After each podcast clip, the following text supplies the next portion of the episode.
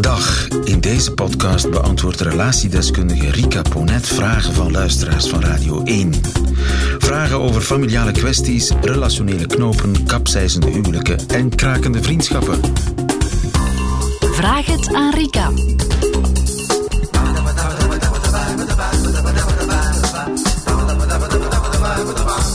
Carla schrijft en ze valt met de deur in huis.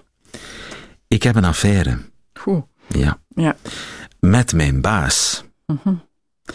Carla schrijft, hij is een succesvolle professor. Het is een lange brief. Ik, le- ik lees hem gewoon voor. Hij is een succesvolle professor en ondernemer en heeft heel wat charisma, ook al is hij eigenlijk niet echt knap. Carla toch. Hij had me jaren geleden al opgemerkt en toen ik toevallig bij hem werd aangenomen, begonnen de verleidingspogingen stilletjes aan toe te nemen.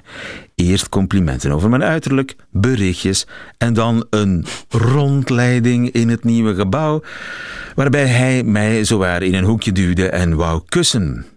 Ik heb toen de boot kunnen afhouden, maar niet lang daarna probeerde hij het opnieuw en duwde hij ook mijn hand tegen zijn broek. Het was nogal duidelijk waar hij op aanstuurde en noemde me zelfs braaf, omdat ik niet meteen als een blok voor hem viel.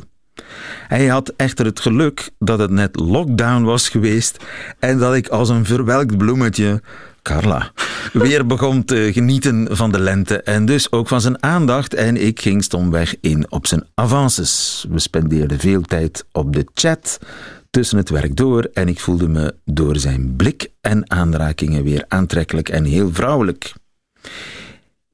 Echter, ik heb een relatie en ik wens die niet te stoppen. Het is dus ook niet mijn bedoeling om iets uit te bouwen met mijn baas, maar ik dacht, zolang ik uit dit avontuurtje energie haal, kan het geen kwaad. Maar intussen zijn we drie kwart jaar verder en begint de energiebalans voor mij om te slaan. Hij is helemaal niet zo attent meer als in het begin. Sommige dagen stuurt hij mij lieve dingen en op andere dagen heeft hij het druk en negeert hij me carrément. Ik kan die wisselende spelregels niet volgen en er is ook geen ruimte om te praten, want hij heeft het druk.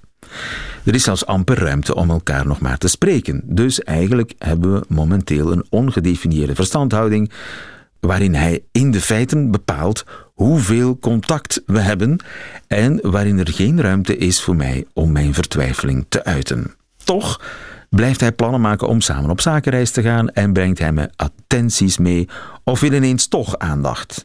Ik lijk te zijn vergleden naar een onderdanige positie waarbij ik moet hengelen naar zijn aandacht, maar dat is helemaal niet wie ik ben.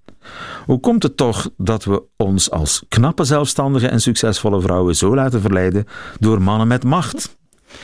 Hoe slaag je erin om daarbinnen sterk te blijven en geen speelbal te worden van zijn wispelturige ene of gene drang? Vind ik wel een mooie. Ene of gene drang naar contact. Maar bovenal, hoe raak ik hier terug uit? Bedankt, schrijft Carla. Ja, Lang verhaal. ja. Een affaire met de baas, de succesvolle professor-ondernemer met charisma. Ja. Nu, ik denk dat ehm, als je zo naar dat verhaal luistert, dat het merendeel van de mensen direct denkt, eh, dump die baas. Carla, stop met de affaire. Eh, nu, ze omschrijft zichzelf als een intelligente, succesvolle vrouw. Dus ik vermoed dat ze dat antwoord ook zelf eh, al kan verzinnen. Nu, ehm, ja, het is allemaal nogal dubbel. Hè. Mijn vraag zou direct zijn, mocht zij bij mij zitten, wat wil je nu eigenlijk, Carla? Enerzijds geeft ze effectief aan, ehm, Ze heeft een Ja. relatie. ja, dat is een relatie. Daar zegt ze eigenlijk zo weinig over. Dat vind ik raar. Ja, ze wil het gewoon, ze wil eh, het A-plan eh, in stand houden. Hè. Maar ze is vooral bezig met haar B-plan op dit moment. Ja, dat, eh, Maar zegt dat niet iets over het A-plan? Dat ze vooral bezig is Ehm, met het B-plan? Zeker, absoluut. Maar ja, dat zien we zo vaak, of dat horen we zo vaak in tweede relaties. Dat, ehm, ja, dat de veiligheid, de zekerheid, eh, dat eh, A-plan is. En het B-plan, zoals zij ook schrijft, hè, het plan is waarin ze zich dan vrouwelijk en gevoelig en ja, aantrekkelijk kan voelen. En, eh, En dat is zo moeilijk te combineren. ja, blijkbaar bij haar wel. En, en naarmate de tijd vordert, in wel wat meer relaties. En ik denk dat, ehm, dat dat toch wel wat eigen is aan de tijd. Naarmate relaties wat langer bestaan, mensen vaak het gevoel hebben, ja, het is niet meer wat het was. En Ja. Nogal Ja, je wil die veiligheid, maar je wil Ja. ook dat avontuur. je wil ook dat avontuur. En dat Ja. blijkt hier dan wel te zijn. Ehm, hoewel ja, ik daar al van bij aanvang niet zo'n schitterend gevoel bij heb. Ehm, ja, iemand die je tegen de muur duwt en jouw hand tegen zijn penis drukt. eh, eh, mij lijkt dat dan eerder wat grensoverschrijdend gedrag dan dat dat eh, een echte verleiding is. En daar voel ik ook heel veel dubbele signalen. Ehm, ze veralgemeent ook heel sterk. Hè. Eh, hoe kunnen wij ons, eh, ik denk dat niet elke knappe, succesvolle, zelfstandige vrouw zich in dit avontuur waagt, maar hoe kunnen wij, hoe komt het dat wij ons aangetrokken voelen tot een, een machtige of een sterke man? Ook al weten we dat hij eigenlijk een ongelikte beer is. Ja, ja. Haar vraag is ook, eh, erotiseert macht? Hè? Dat is misschien de Ja. diepere vraag of de interessantere vraag. Ehm, en dan is het antwoord meestal wel ja. Op die een of andere manier vinden we het allemaal wel fijn om samen te zijn of dicht bij mensen te zijn ehm, die machtig zijn, die succesvol zijn.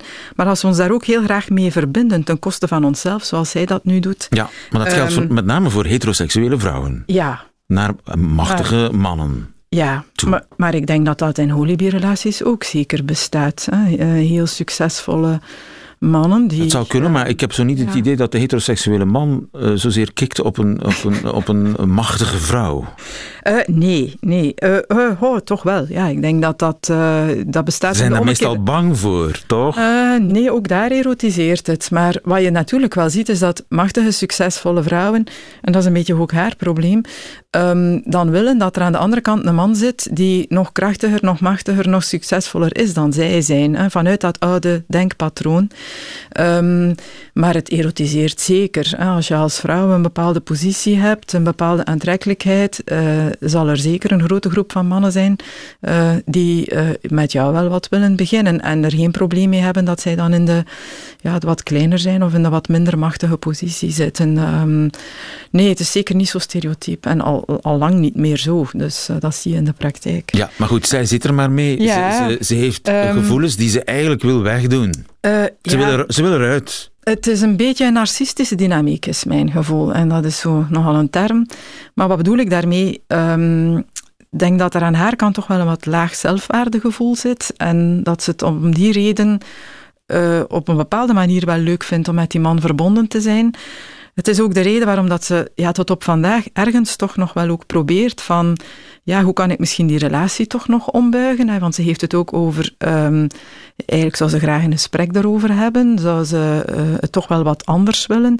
Dus nergens lees je zo echt of hoor je zo echt, ehm, ik wil er heel definitief mee kappen. Behalve dan op het einde, ja, zegt ze. behalve op het einde zegt maar- ze het dan maar wel. Ja, De vraag is Nu. of ze dat wel meent. ja, absoluut. Ehm, en als ze er echt uit wil, ja, niet zo heel veel scenario's zijn mogelijk. Ze zit duidelijk in een ondergeschikte positie.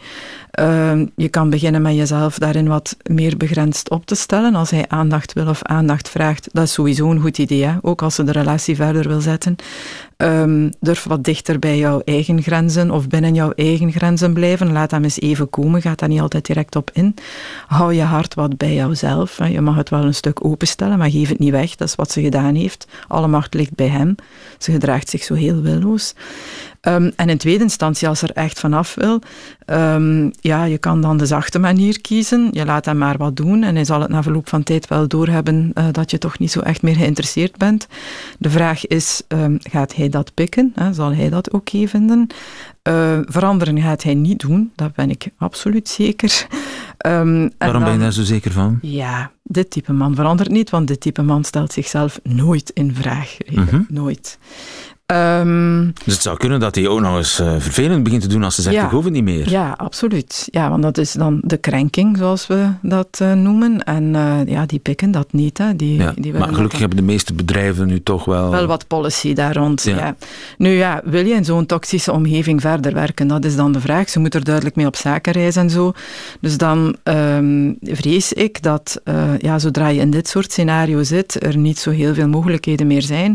Behalve uh, ja, je biezen pakken en een beter oord opzoeken uh, waar je niet in dit soort heikele situaties zit dan. Hè. Ja, hij, um, hij, moet zijn manieren houden. Absoluut. Punt uit. Ja, zeker. Ja, dit is al heel slecht begonnen. Hè. Nu, je ziet ook daar, ze legt het ook wel wat bij, bij hem. Hè. Ehm, alles wat gebeurd is, uh, ja, heeft geluk dat het COVID was. Op een bepaalde manier elke vorm van verantwoordelijkheid in haar eigen gedrag ontloopt ook wel een stuk. Hè, want ik vind dat dat toch altijd een dubbel verhaal is. Je hebt inderdaad aan de ene kant die man die zich in een hiërarchische relatie absoluut uh, niet correct gedraagt, laat dat duidelijk zijn. Maar aan de andere kant, ja, zij die op de een of andere wijze daar toch een stuk van gediend was en daar ook een stuk is in meegegaan, wat nog maar eens aantoont ook hoe complex dit soort van situaties zijn. U zelf een vraag voor Rika Ponet? Stuur ze dan naar nieuwefeiten.radio1.be. En wie weet hoort u het antwoord in een volgende podcast. Namen worden sowieso veranderd.